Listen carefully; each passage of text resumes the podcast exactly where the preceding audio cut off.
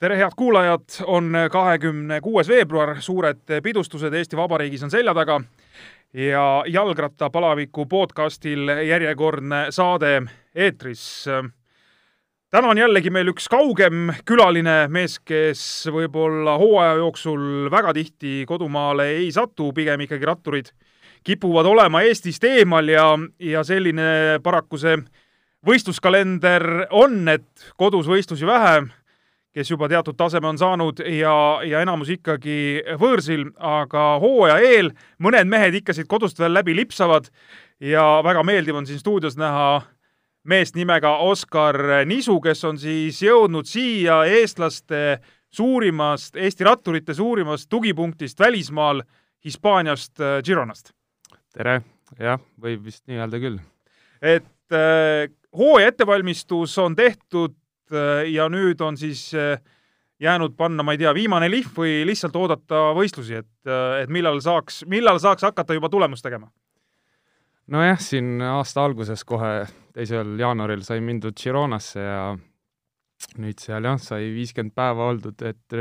korralikult trenni tehtud ja ja nüüd kerge niisugune puhkus ja siis, siis juba märtsi algul võistlustele jah, et et nii see, nii see peaks välja kujunema. Äh, sul on selles mõttes kõik uus, uus meeskond.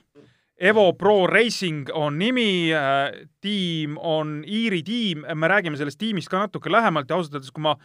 nii-öelda tegin eeltööd, hakkasin tutvuma selle tiimiga, siis äh, ma isegi üllatusin, et seal on nii kõvasid mehi sees selles tiimis. et paar hollandlast on ikkagi väga korraliku taustaga, ma vaatasin, ja, ja see meeskond ausalt öeldes saab ka väga headele sõitudele peale, ma ei tea, kas see oli juba eelmisel aastal nii, eh, teist aastat eksisteeriv tiim, eks eelmisel aastal minu meelest nad esimest hooaega sõitsid nii-öelda profitiimina ja nüüd siis läheb käima teine hooaeg, aga sa oled selle Evo Pro Racing tiimi liige, kuid tegelikult kahe hooaja vahel tuli kõigepealt uudis, et sa lähed ühte teise tiimi. ja see tiim oli siis nii-öelda Ukraina taustaga, aga nii-öelda Aasia suunaga meeskond Ferrei Pro Cycling, et et räägi, ole hea, kõigepealt see, see virvarr mõnes mõttes lahti, et et kuidas siis nii, et, et justkui peaks olema ühes tiimis, aga siis ikkagi saad veel nii-öelda mingeid vangerdusi teha? no võtame siis täitsa algusest, et kõigepealt hooaja lõpul oli üldse kaalukausil, et Äh, koondise treeneri või noh, juunioride treeneri koht. ühesõnaga, et kas sa sõidad edasi või mitte, oli see kaalukausil ja,, jah? jah, põhimõtteliselt, et kas ma nüüd jätkan ratturikarjääri või, või panen ala maha. aga kuna ikkagi sisemine soov ja oli edasi sõita ja ma nagu nägin ka endal nagu potentsiaali, äh, kuna ma võtsin nüüd eelmisest aastast, kahe tuhande üheksateistkümnendast aastast ka uue treeneri siis jah, mul ikkagi sees nagu kripeldas edasisõitmist ja, ja siis lõpuks osu-, otsustasin nagu ikkagi jah, selle kasuks, et, et sõidan edasi. siis jah, tuli seal, tuli see Ferrei tiim, kes on siis jah, oli eelmine aasta Ukraina tiim, kahe tuhande kahekümnendal aastal nüüd äh, registreeriti Valgevenesse aga jah, taust on nagu ikkagi pigem seal Ukraina pool ja neil jah, niisugune enamus kalendrit on Aasias. ja noh, kuna mul, ega mul valikvariante väga ei olnud ja see no natuke tutvuste kaudu ma äh, kuna ma käisin ka hooaja lõpus Hiinas sõitmas ja seal nii-öelda sain ühe soomlasega tuttavaks, kes selle tiimi juures äh, nii-öelda asjatab ja siis äh, ka Martin Laas käis, ma tean, hooaja lõpus äh, ühte Hiina sõitu sõitmas ja no ühesõnaga niimoodi läbi tutvuste sain lõpuks äh, sinna tiimi ja ja aga otsest nagu lepingut ma ei allkirjastanud, et oli lihtsalt niisugune suusõnaline nagu äh, suusõnaline kokkulepe ja ja otsest jah, lepingut nagu ei allkirjastanud ja juba läksin Gironasse selle mõttega trenni tegema, et eh, aprillis lähen eh, Aasiasse, Aasiasse võistlema ja ja jah, nii, nii, nii ta nüüd, ütleme, alguse sai. aga siis eh, seal Gironas trenni tehes tulin üks päev trennist, vaatan, et Gert Kodanik on mulle saatnud sõnumi, et kas, kas mul on käed seotud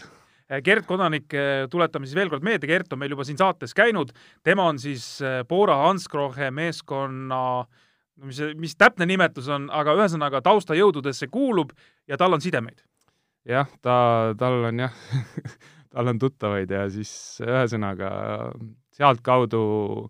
et kuna Evo Prol olid asjad jäänud väga viimasele minutile ja nad veel otsisid omale sõitjat või sõitjaid, ma täpselt ei teagi, tiimi, siis jah, kuna Gert äh, seal teadis seda tiimi manageri ja siis läbi tema ühesõnaga, et äh, küsis, et kas, kas mul on käed seotud põhimõtteliselt, aga kuna mina otseselt lepingule allkirjastanud kuskil ei olnud, siis äh, noh, käed mul seotud ei olnud ja ja kuna see Evo Pro ikkagi oma noh, professionaalsuse ja, ja kalendri ja kõige muu poolelt ikka tundus parem tiim kui see Ferrei tiim, kellega ma olin nii-öelda suusõnalise kokkuleppe teinud, siis siis ma otsustasin jah, et kui mul seda võimalust pakutakse, et ma võtan vastu ja ja nii, nii see nagu asi alguse sai siis. sa vahepeal mainisid, et sa käisid eelmise hooaja lõpus äh, ka Hiinas sõitmas, see Hiinasse minek oli ju ka selles mõttes mingite juhuste kokkusattumus vist, et et tegelikult sa olid ju Cycling Tartu mees, eks, aga hooaja lõpus lihtsalt äh, kuskilt pidi siis tekkis, ma vaatasin, mingi Kunbao Sport Continental tiim, mingi selline Hiina tiim, et sind kutsuti sinna siis sõitma või keegi tundis kedagi või kuidas see käis? Nojah, eks see, eks siin rattaspordis suht palju asju või noh, võib-olla üleüldse elus käib ikka läbi tutvuste et noh, kõigepealt sellest Kumbao tiimist, siis äh, sinna tiimi ma ikkagi tegelikult ei jõudnud. aa, ei jõudnudki, okei okay.. et äh, seal pärast minu neid esimest kahte käiku Hiinast sai nagu räägitud, et äh, sa käisid hooaja jooksul veel varasemalt ka Hiinas? ei, ma käisingi nüüd hooaja lõpus, käisin lõpus. nagu kogu okay. kaks korda, et mm -hmm. kuna seal viisaga seoses pidi vahepeal aga no ütleme siis nii, et kuidas ma sinna Hiina üldse sattusin, et äh, see tuli läbi Mihkel Räime et äh, nüüd mõtlen nüüd, kes äh,, aa jah, Mihkel, äh, Mihkli kaudu uuris üks hispaanlane, kes äh, pani mingi, pani mingi tiimi kokku seal mingi Qingdai tuurile Hiina, otsis nagu sõitjaid ja rohkem niisuguseid sprintereid. ja siis mina ja Norman Vahtra kirjutasime siis talle ja ma täpselt neid üksikasju ei mäletagi, aga ühesõnaga jah, et üks hispaanlane, kes teadis Hiinast mingit meest, äh, kirjutas Mikule, mina sain Miku kaudu teada, Norman ka, ja siis me kirjutasime omakorda siis äh, sellele hispaanlasele ja siis niimoodi me saime sinna Hiina sõitma ja mis oli nagu omamoodi niisugune lahe, et äh, pandi lihtsalt mingi tiim kokku, me läksime sinna Qingdai tuurile, mis oli nagu UCI teise kategooria tuur, ja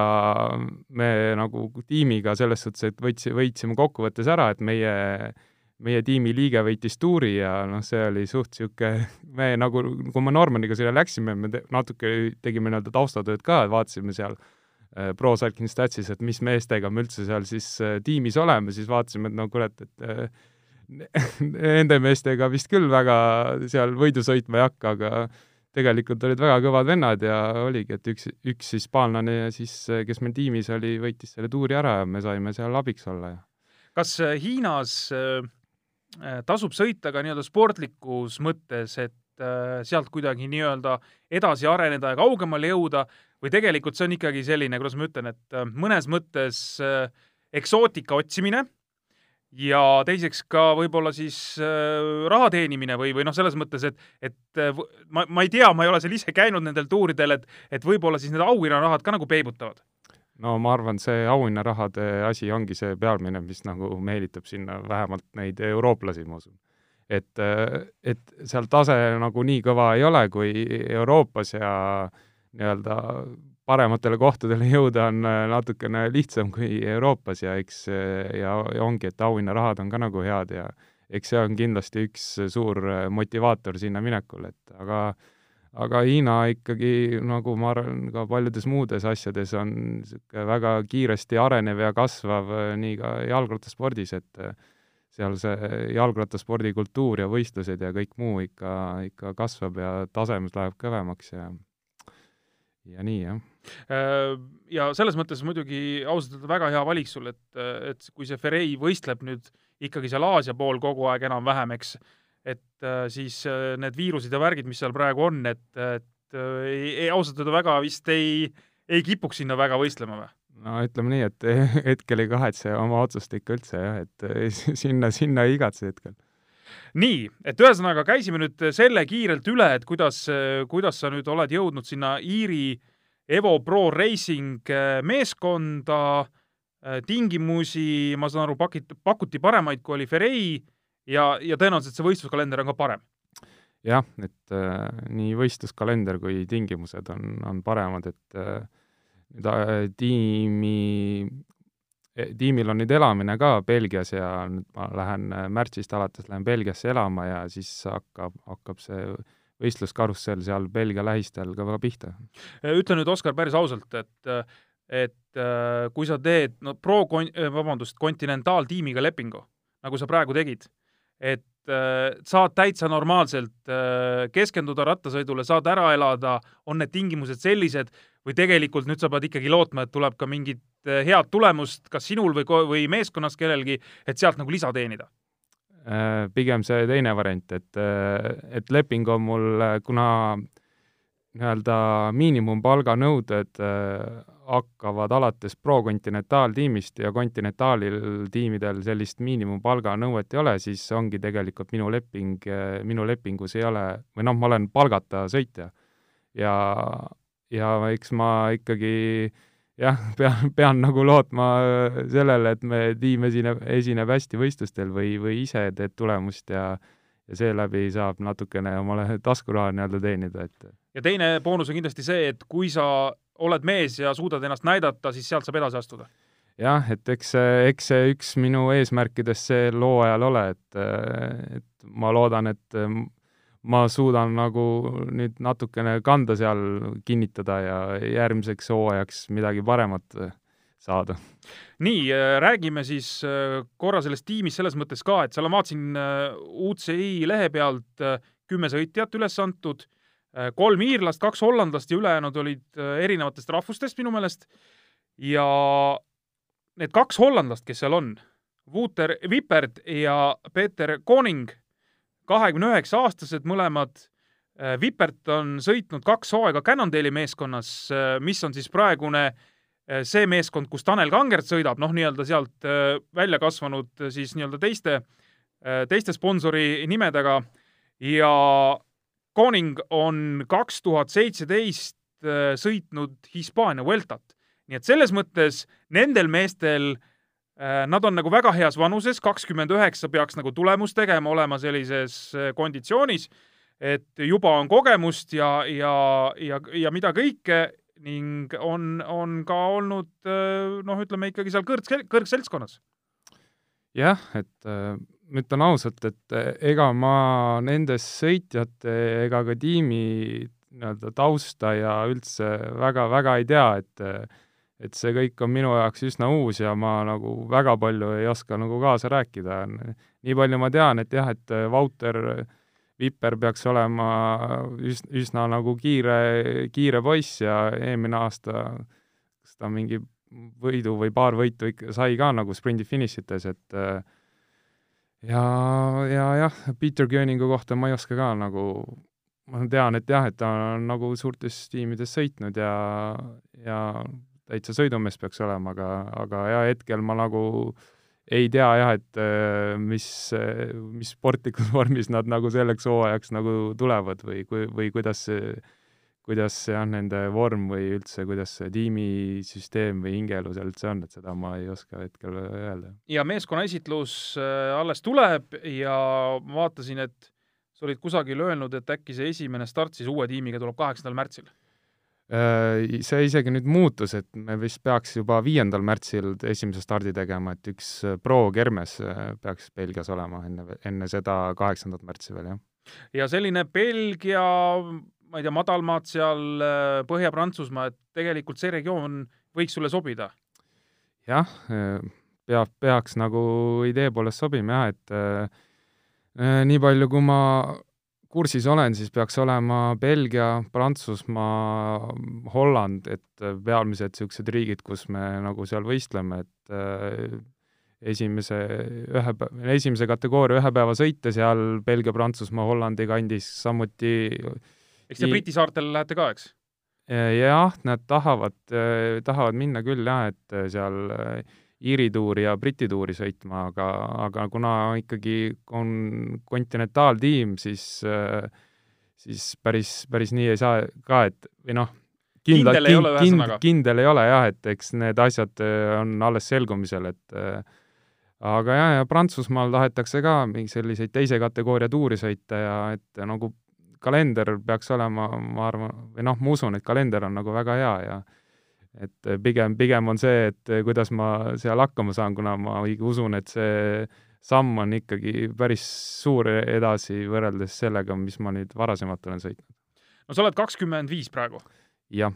et äh, see on selline vanus, no kui ütleme siin Vene ajal äh, sa oled kakskümmend viis, siis, siis sa olid juba vanur, eks, aga tänasel päeval kakskümmend viis võiks öelda, et et parimad aastad alles äh, tulevad, et kuidas sa ise ennast selles mõttes tunned, et et sa ütlesid eelmise hooaja lõpus, sa ei tahtnud veel lõpetada, et sul ikkagi kripeldas ja sa nägid, et, et noh, võiks,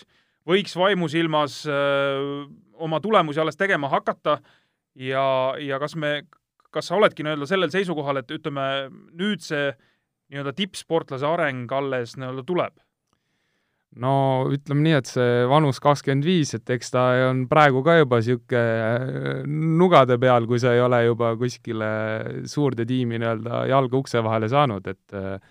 et äh, noh, oma, omalt käest võime siin näite tuua, et no näiteks noh, Martin Laas või si-, sai siin veel, kui kakskümmend, eelmine aasta kakskümmend kuus, et su-, hea lepingu, aga Martin on äh, aasta, aasta või kaks? aasta, aasta, aasta vanem, aasta vanem, jah aga no mis mul endal nagu kripeldama jäi ja mis äh, ongi nagu pigem see, et mul on ikkagi noorest alates on, on igast erinevaid probleeme olnud nii tervisega kui treeningute ja muu, muude asjadega ja siis ma nagu tunnen, et ma ei ole saanud ennast nagu sajaprotsendiliselt realiseerida ja ja asjad ei ole alati läinud nii, nagu ma olen nagu tahtnud ja äh, see on kindlasti üks põhjus, miks ma nagu usun veel, et, et ma suudan nagu enamat kui see, mis ma siiani nagu teinud olen. ja nüüd ongi, et kuna tänu selle uue treeneri eh, ka noh, treeneriga koostööle on asjad nagu paremini hakanud sujuma ja, ja näha, et nagu ma olen ikkagi mingi arengu jälle edasi teinud, siis, siis see on jah, nagu see moti-, motivaator äh, edasi sõitmast ja edasi tegelemast ja ikkagi lootmast, et, et ma lähen ikkagi veel paremaks, mitte, mitte ei ole oma tippu saavutanud. kes see treener sul on? Fabrizio äh, Maesani, et ta on äh, sama treener, kes oli siin Alo Jakinil ja Mihkel Räimel ja Martin Laasil ja ka Karl-Patrik Laugul ja Steven Kalf ka. nii et ühesõnaga olete kambakesi võtnud siis äh selles mõttes ühe treeneri, et, et äh, keegi on tunnetanud, et need asjad nagu toimivad? jah, et äh, kõigepealt äh, Mihkel Räim hakkas temaga koostööd tegema ja ja eks me kõrvalt, kuna temal oli selline uutmoodi lähen-, lähenemine asjadele, mida Eesti treenerite puhul väga veel ei olnud, et jõumõõtjate, powermeetrite nagu läbi või näol nagu tehti treeningplaane ja analüüsiti trenne ja nii edasi, siis äh, Mihkel tegi nii-öelda jah, selle ukse nagu lahti ja vaikselt hakkas äh, neid mehi sinna, me hüüame Fabriks teda Fabri alla minema ja ja ma kõrvalt nagu jälgisin ka kogu aeg mängu ja kuna oligi, et mul endal mingi aeg äh, ei olnud nagu otsest treenerit ja, ja nagu olingi natukene nii-öelda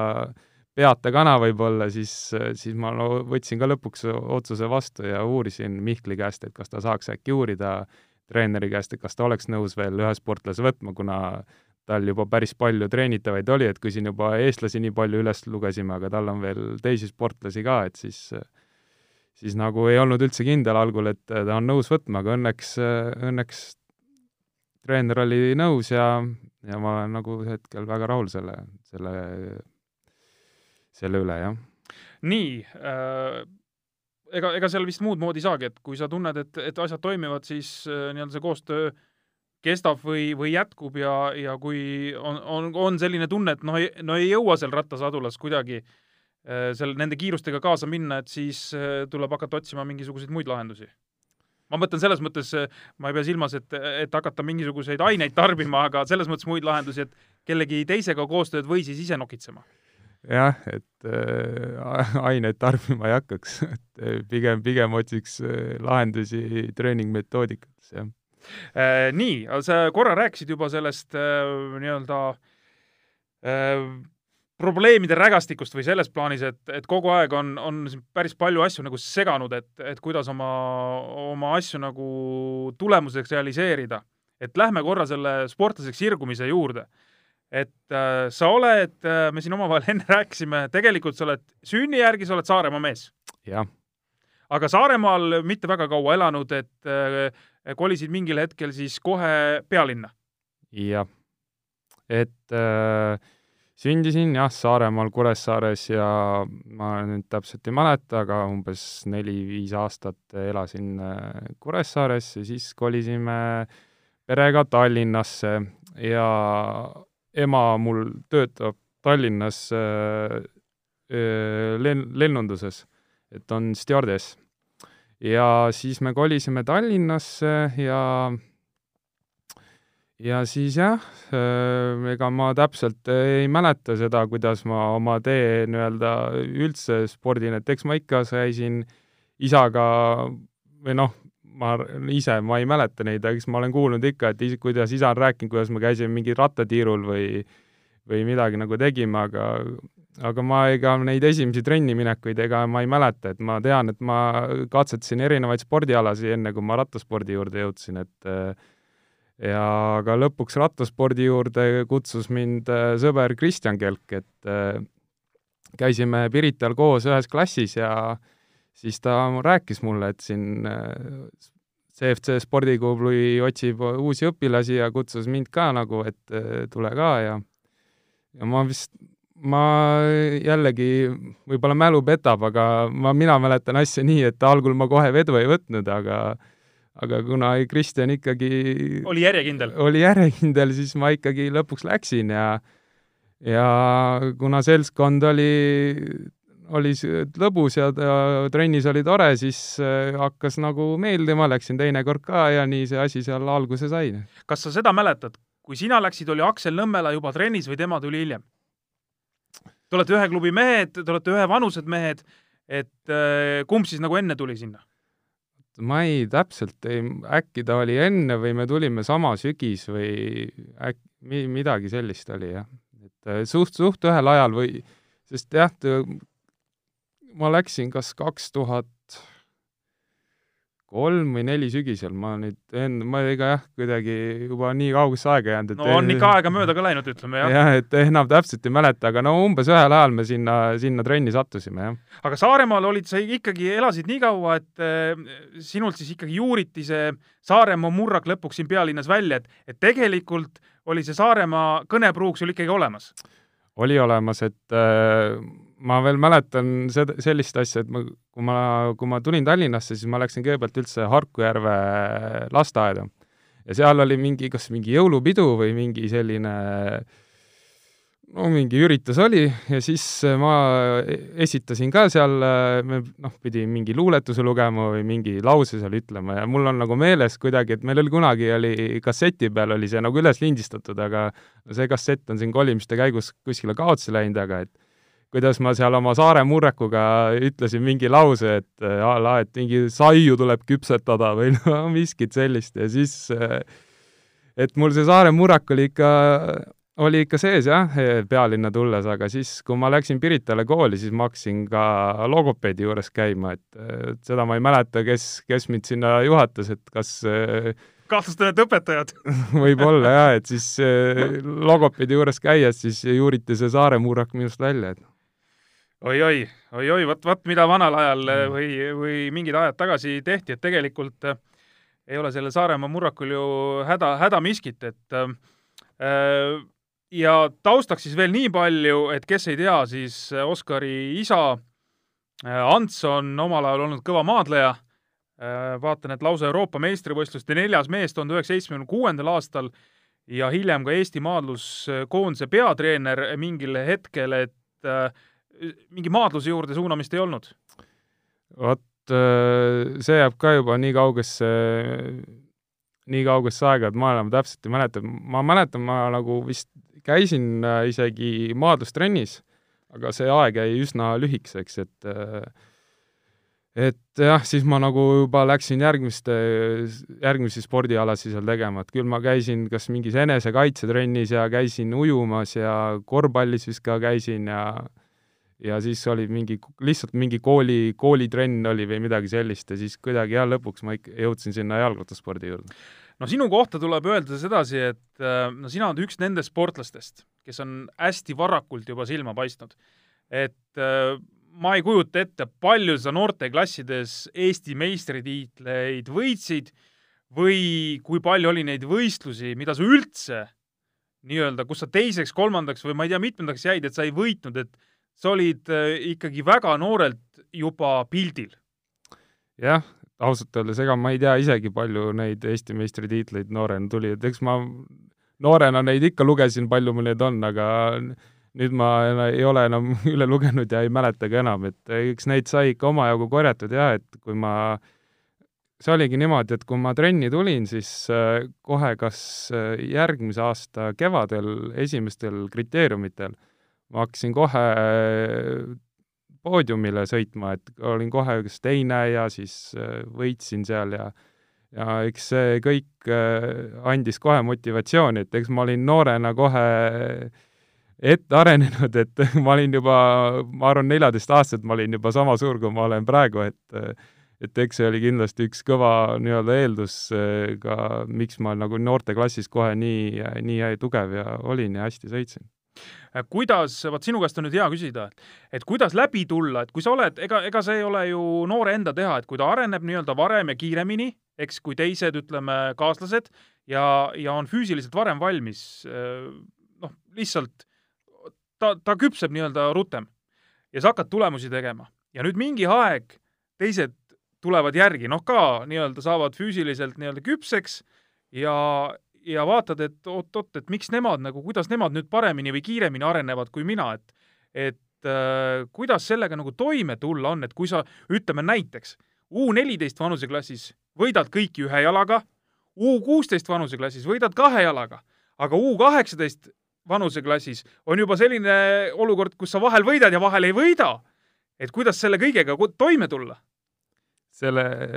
ühe jalaga võitmisega, sellega mul tuleb tuli praegu hea, hea see jutt meelde, kuidas olime nüüd Gironast trennis ja siis Karl-Patrik Klauk ütles, et ma, ma mäletan juba, kui ma väike poiss olin ja vaatasin, et kus a la ma olin, võisin ka olla mingi neliteist klassis, et stardipauk käis ära kriteeriumil ja siis esimene ring lõppes ja ma olin juba enam-vähem poole ringiga teistelt eest ära, et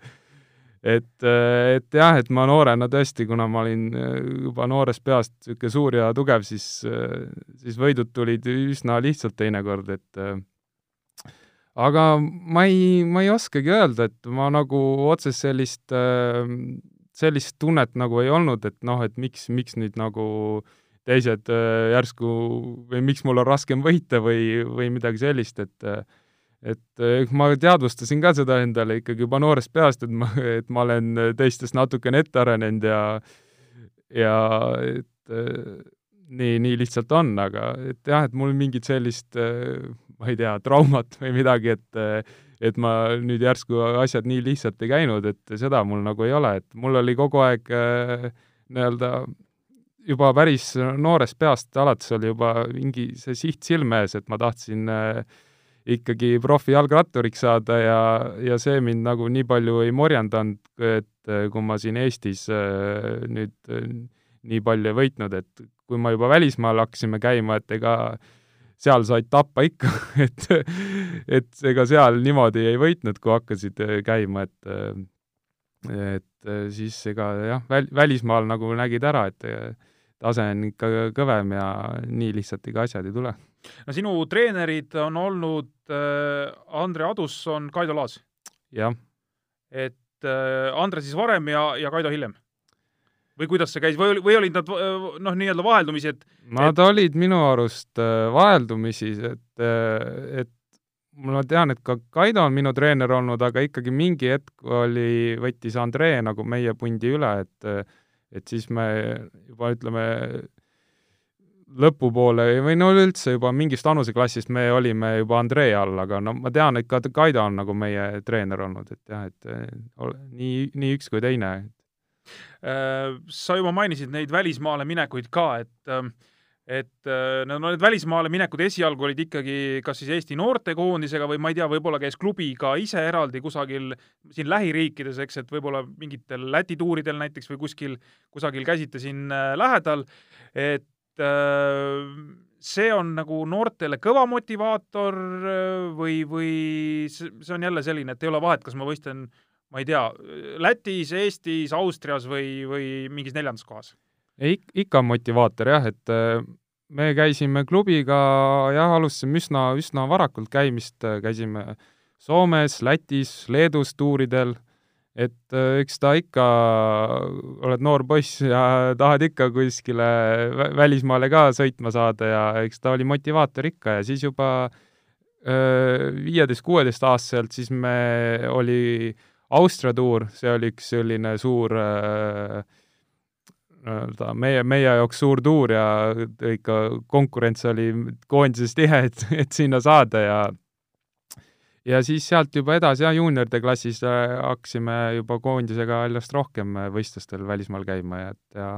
ja ei, see välismaale nii-öelda võistlema minemine ja see ikka motivaator ikka, jah. kui sa Austria tuurist rääkisid, no sa, sa oled nii-öelda suur mees olnud äh, üsna noorest peale.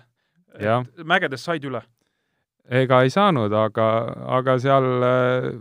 no esimene aasta, kui ma viieteistaastaselt käisin seal Austria tuuril, siis ma olin nii-öelda M kuusteist noorem, ehk siis jah, nagu vanuseklassi noorem, siis, siis ma ikka seal olin viimaste hulgas, aga siis samal aastal äkki Dirmo Jeret lõpetas selle tuuri viiendana, kokkuvõttes siis ma ise nagu vaatasin küll, et ohoh, et näed, viies oli, siis järgmine aasta äh, eks ma olin nii palju tugev, et ma sain nendest kingastest ise ka päris hästi üle ja siis ma olin ma mäletan, ise olin ka vist äh, viies kokkuvõttes ja siis mul jaa, mingil etapil olin teine ja et, äh, et aga noh, üldiselt ikkagi mägedest ma ikkagi üle ei saa, et mingid väiksed põksud hea vormi korral äh, elan üle, aga aga jah, mägedes ma hästi ei liigu. no see väike põks on muidugi jälle väga suhteline, et, et kui, kui noh, ütleme, Äh, keegi võib mõelda, et see väike põks on noh, ma ei tea, mingi sada meetrit, siis sa tegelikult nii väikest põksu ikkagi ei mõtle. nojah, pigem ikka siin on mingi kilomeetri ja kahe kanti. nojah, et ütleme, kui Eestis elad ja, ja sul mingi kilomeetrine tõus või kahekilomeetrine tõus, mõtled, oi isver, niisugune mägi see on, eks, aga no ratturitel lihtsalt ongi see oma see, et ah, see ei ole veel midagi, et see on väike põks alles, eks no pigem jah, need pikemad tõusud, need võib-olla hakkavad seal viiest kilomeetrist ja nii, aga noh, kindlasti eks nendel tõusudel oleneb kõik tõusunurkadest ja asjadest, et et minule näiteks pigem sobib niisugune laugem ja ta võib olla vähe pikem, aga et ta on laugem, aga kui ta on järsk, siis mul on nagu kohe keerulisem. kui sein tuleb ette, läheb keeruliseks. keskkoolis jõudsid juba Prantsusmaale või tuli see hiljem? amatöörina ma mõtlen siis. jaa, et ma läksin kaheteistkümnenda klassi teises pooles, ehk siis jaanuaris läksin Prantsusmaale amatööriks et äh, olin äh,, oli jah, kui ma läksin, kohe läksingi Audentese spordikooli, kui ma äh, gümnaasiumisse ja oh, see siis ratturitel on Otepääl? Otepääl, jah. ja juba jah, selle mõttega, et äh, seal saab äh, teha nii trenni, või noh, saabki teha hästi trenni ja samal ajal ka koolis käia. ja seal oli teil treener Toomas Puusepp, eks? jah, seal oli Toomas Puusepp. ja siis äh, ja siis jah, eh, selle mõttega sai mindud, kuna juba gümnaasiumi minnes ma nagu, mul oli see eesmärk nagu silme ees, et jõuda profiks? jõuda profiks ja ikkagi välismaale tiimi ja, ja ma teadsin, et varasemalt on nagu tehtud ka niimoodi, et kaheteistkümnendast klassist on nagu mindud äh, amatööriks äh, Prantsusmaale. ja siis, kuna Gert Jõeäär sai amat-, Prantsuse amatööridest profiks Cofidisesse, siis sealt jäi nii-öelda üks koht üle ja see klubi oli siis Villeneuve Saint-Germain? jah. ja see on, ongi kuskil Pariisi külje all või? jah, ta on Pariisist mingi sada kilomeetrit. sada kilomeetrit, mitte päris külje all, jah ja.? aga enam-vähem seal lähedal ja,? jah, jah, seal lähedal, jah. ja siis äh, kas äkki läbi CFC spordi, äkki tuligi läbi Andrei Adussoni tuli see et Gert vist rääkis äkki temaga, et äh, kas keegi ei oleks huvitatud minemast. no mina olin kohe nõus ja mäleta, kas äh, keegi, midagi ma mäletan, et Krister Raudsepp äh, äkki oli ka nagu üks tahtjate hulgas, aga ma tegelikult lõppkokkuvõttes täpselt ei mäleta, miks see nagu minu peale jäi, aga ühesõnaga siis jah, et et sai kahe tuhande kolmeteistkümnendal aastal jah, sinna Prantsusmaa klubisse põhimõtteliselt nagu Gert Jääre asemel või tema nagu tegi seda eeltööd seal, et, et saaks sinna. ja siis ma olin kolm kuud äh, seal jaanuar, veebruar, märts jah, olin äh, Prantsusmaal? olin Prantsusmaal ja siis ma tulin aprillis, tulin tagasi, et teha siis kaheteistkümnenda klassi need eksamid ära ja siis juba juulikuust, kui oli kool lõpetatud, siis sai jälle tagasi mindud sinna. ma vaatasin, sa sõitsid selles klubis siis kaks hooaega, seesama nii-öelda, kui sa kaheteistkümnenda klassi lõpetasid, see hooaeg ja järgmine veel ja järgmine oli juba selles mõttes nagu väga hea hooaeg, et sa olid seal ikkagi mitmel sõidul juba võidumees, päris palju vaatasin, oli ka poodiumikohti, et sealt juba hakkas nagu minema no kaks tuhat neliteist oli too aasta jah, et siis vaikselt hakkas lubama juba jah, et eh, siis ma tulin ka Eesti meistriks eh, U kakskümmend kolm vanuseklassis nii eraldi stardis kui grupisõidus ja siis ma sealt nagu vaatasin, et noh, et vist nagu midagi juba lubab jah. aga, aga... siis tulid rasked aastad, jah? siis tulid rasked aastad, jah. et äh, ma, nii palju, kui ma kursis olen või kuulnud, et sul oli ka mingi viirus vahepeal või, või, või et jah, ühesõnaga, et mingi viirus oli sees, et mis noh, tagantjärgi teada saades, et seal oleks pidanud seda ravima, aga, aga see asi nagu venis või? ei, minul käis see, no minul on, mul on igast, mul on igast probleeme olnud mul on olnud jalal seesamluu murd ja mul on olnud mingeid muid vigastusi ja ma ei tea, imehaigusi, aga mis see mononukleoos on see, mis, mida sa mõtled, et, et kaks tuhat kaksteist aastal oli see, kui ma ah, see oli kaks tuhat kaksteist? jah, kui ma mononükloosi põdesin, aga mina sain ikkagi sellele üsna kiirelt selles suhtes jaole, et et ma olin kõigepealt natuke haige, siis ma sain nagu tervemaks, ruttasin kohe trenni, panin kohe kaks trenni päevas, järgmine päev olin jälle täitsa audis ja siis tegime mingeid vereanalüüsi asju ja siis Muusa Lepik, doktor Muusa Lepikuga siis konsulteerisin ja ja siis jah, avastasime, et mul on see mononukleoos, aga ma põdesin seda, seda nagu eriti raskelt, et ma olen üldse niisugune õrn, õrna, õrn, et äh, igast haigusi ja asju põen nagu väga raskelt, et võib-olla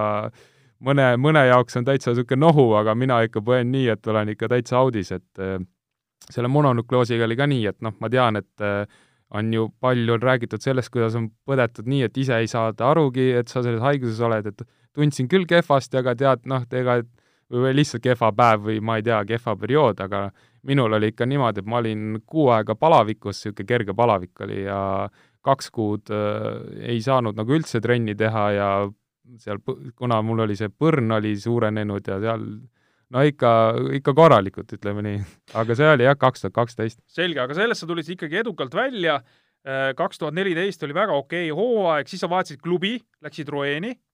Ruenisse, jah. Ruenisse, jah. ja, ja siis äh, seal nii-öelda enam sellist äh, sära nagu ei olnud. et kas,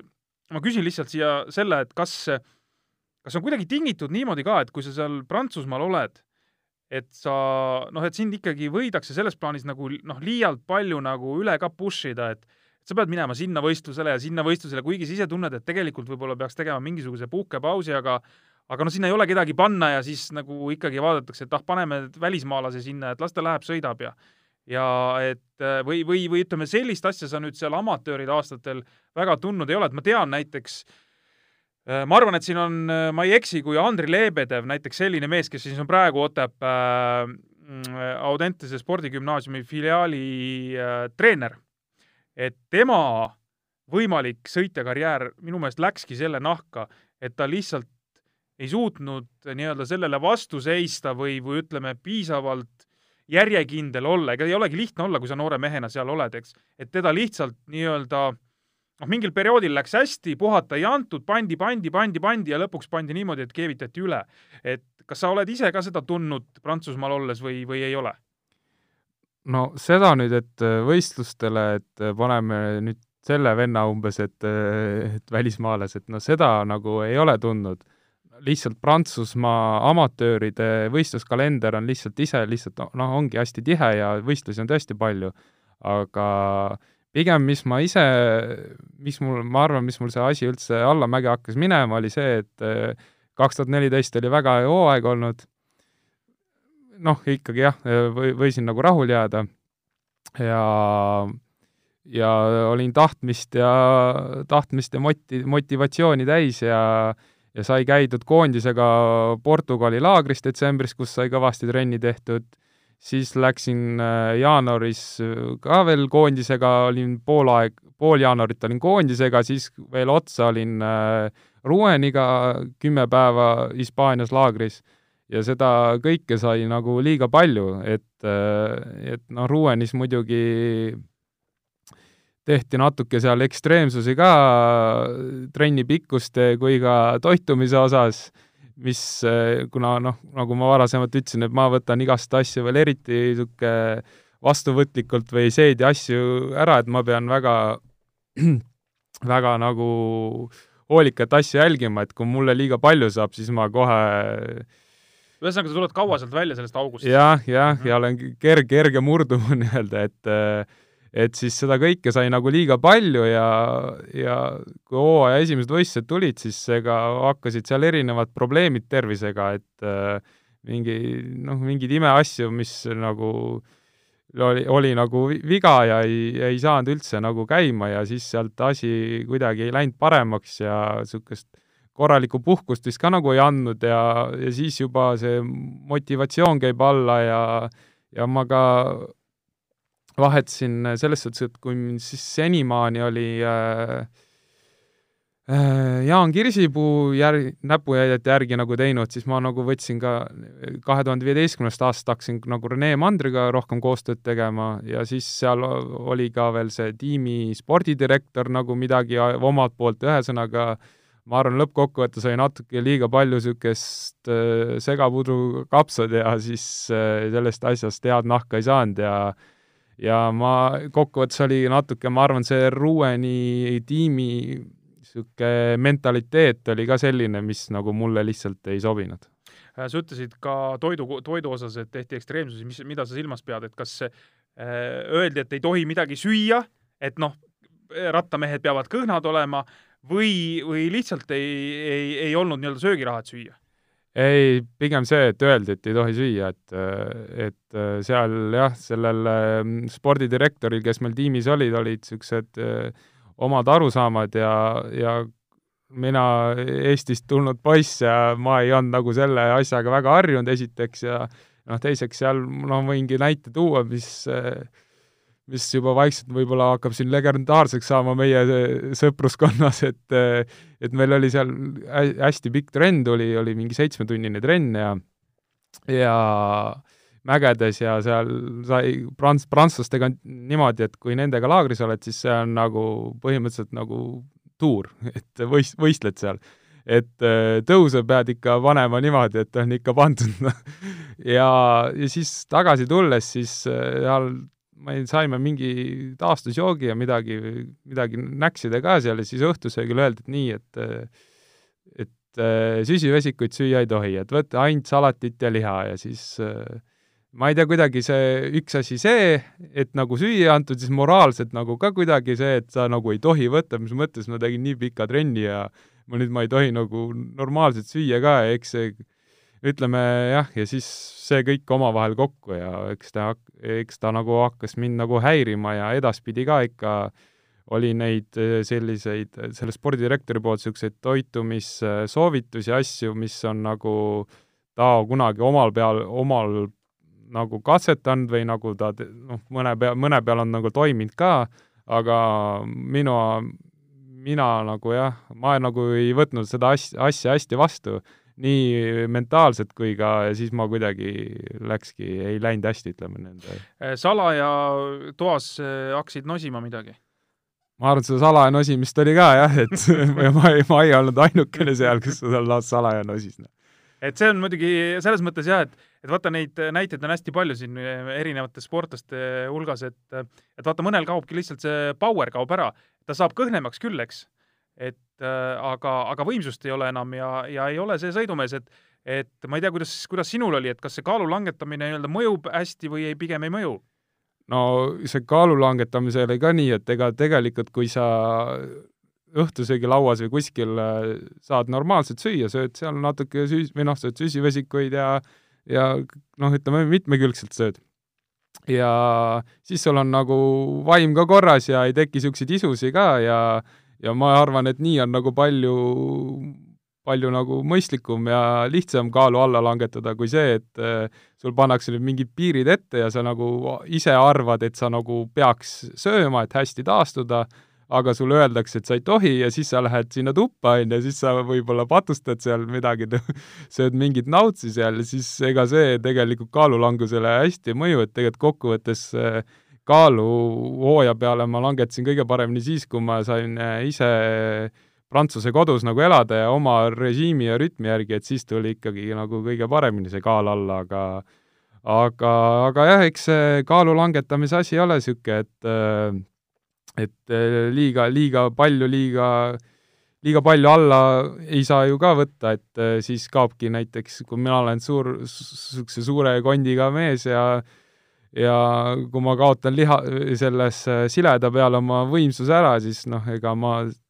ma võin seal, ma ei tea, kaheksakümne viie kilo pealt kaheksakümmend kilo kaaluda, aga ega ma selle tõttu mäge ikka paremini liikuma ei hakka, kui mul see üldine võimsus nii-öelda langeb, et eks see, eks see jah, niisugune. mis mees sa siis tänasel päeval oled, et kelleks sa ennast pead, et kas sa oled äh,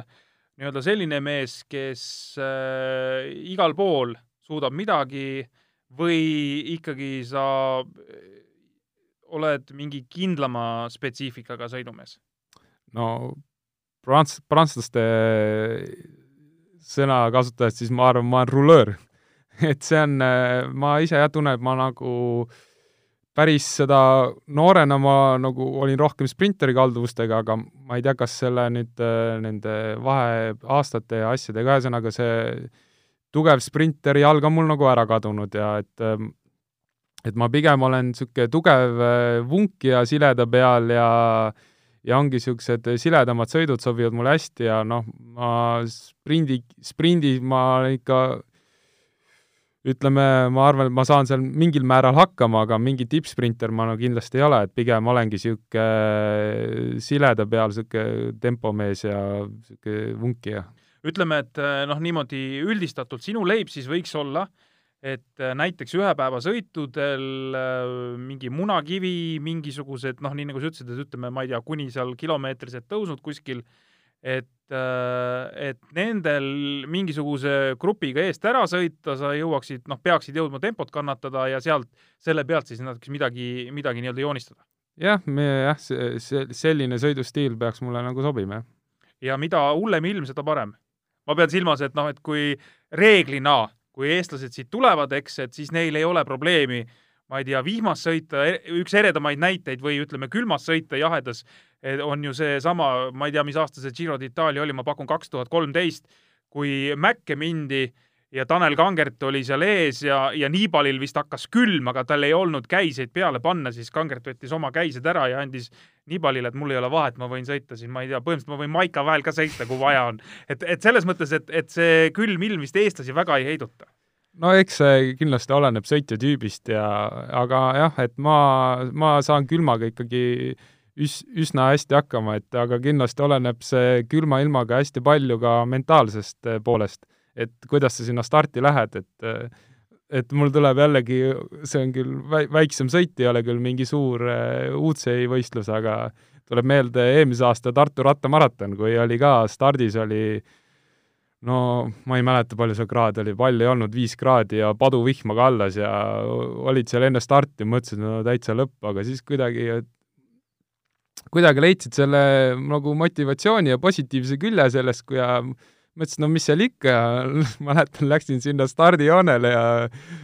nagu seal piu-piu-piu ja davai, lähme nüüd starti ja kõik vaatasid mind nagu lollakat, aga ise olid kuidagi leidnud endal selle positiivse meelestatuse ja et see sellistel kehvade ilmade korral kindlasti oleneb hästi palju ka sellest, mil, millise motivatsiooni või kuidas sul see tuju on, kui sa sinna starti lähed. kui sa lähed sinna, et ai, vihma sajab ja küll on külm ja külm on halb, siis, siis nagu on raske ka midagi sealt välja võluda. Äh, kaks tuhat kaheksateist jõudsid sa Cycling Tartu meeskonda, et äh, mis siis, ütleme, kaks hooaega seal sõitsid ja nüüd, kui tekkis see nii-öelda punkt, et, et mida ma siis treeneriks jään sõitjaks, äh, mis edasi saab, et kuni sinnamaani, ütleme, kaks viimast hooaega sa olid Cycling Tartu tiimis, et see hoidis sind rattaspordi juures või oleks olnud mingisuguseid teisi väljundeid ka? no kaks tuhat, äh, mis see siis oli, jah, seitseteist lõpus äh, olin, olin jah, nagu seisus, kus äh, Rueni klubi ütles, et äh, nemad ei ei võta sind enam? ei võta mind järgmine aasta enam, ma ka ise tundsin, et äh, no kolm aastat olen seal olnud ja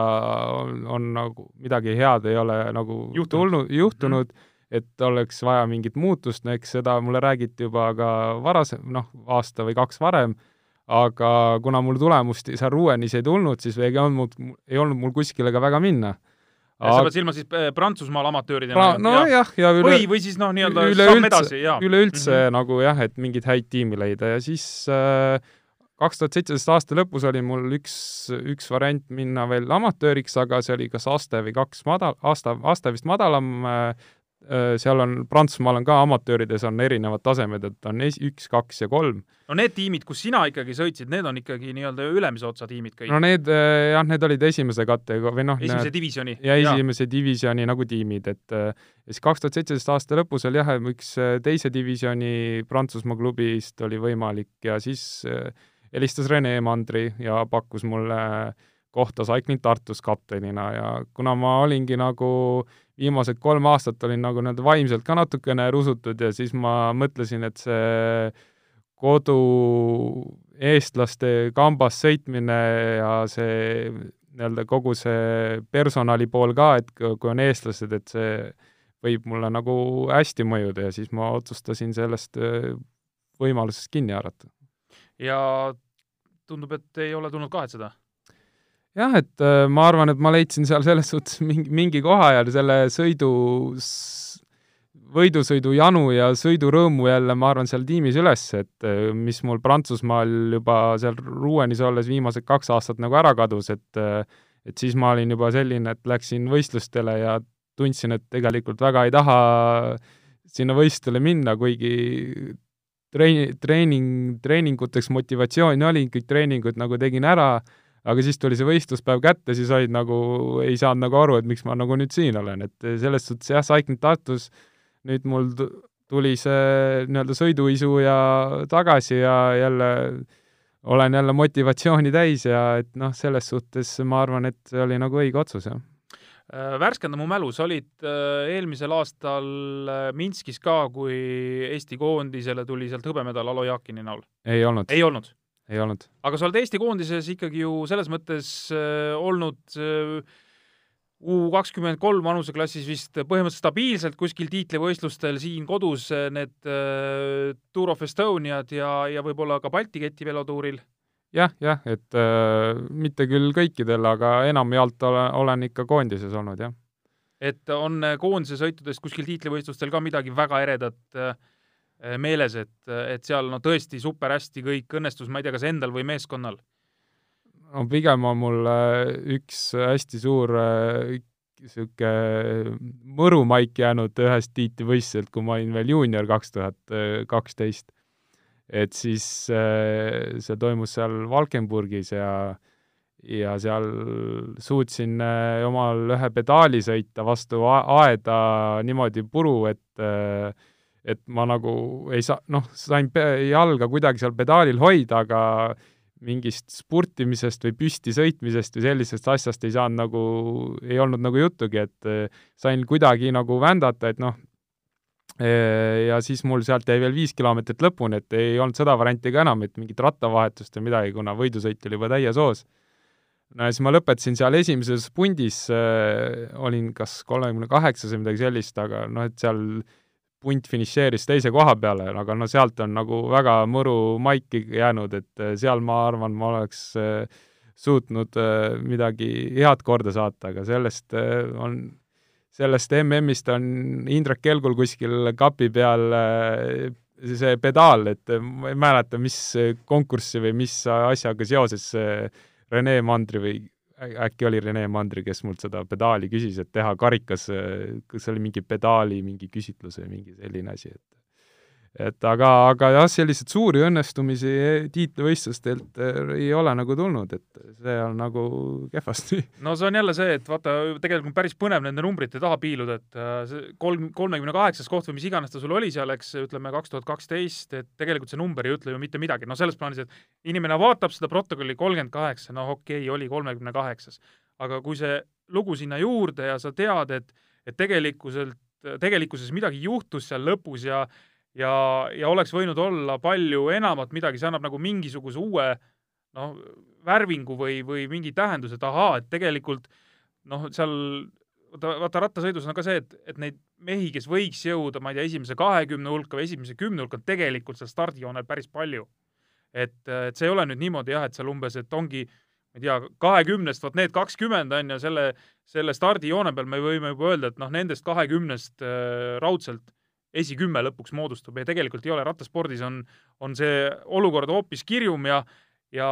ja need lood jah, paraku noh, reeglina ei jõua kusagile, me näeme lihtsalt seda numbrit, aga me ei tea, mis selle numbri taga reaalselt äh, äh, olla võib. kas sa tänasel päeval julged unistada ka sellistest sõitudest nagu Pariis-Roubaix, Flandria Tour, äh, Lies-Baston-Lies, Amstel Gold Race, sellistest suurtest ühepäevasõitudest, et sa kunagi võiksid sinna jõuda? ikka jah, et äh, nagu ma ütlesin, siis ma ei, ma ei ole veel oma peas alla andnud ja ma ikkagi loodan, loodan ikkagi sinna, sinnamaani jõuda, et ma saan ka sellistel suurtel võistlustel sõita ja ja olla jah, osa mõnest äh, su suurest tiimist sõitja näol siis Äh, mis see kõige suurem unistus selles mõttes praegu nagu või, võikski olla või mis see on sul, et et kas see on nii-öelda konkreetselt mingi taseme tiimiga lepingu sõlmimine või see on ikkagi, et vot sellel võidusõidul tahaks kunagi sõita? Äh, no kuna ma olen ikkagi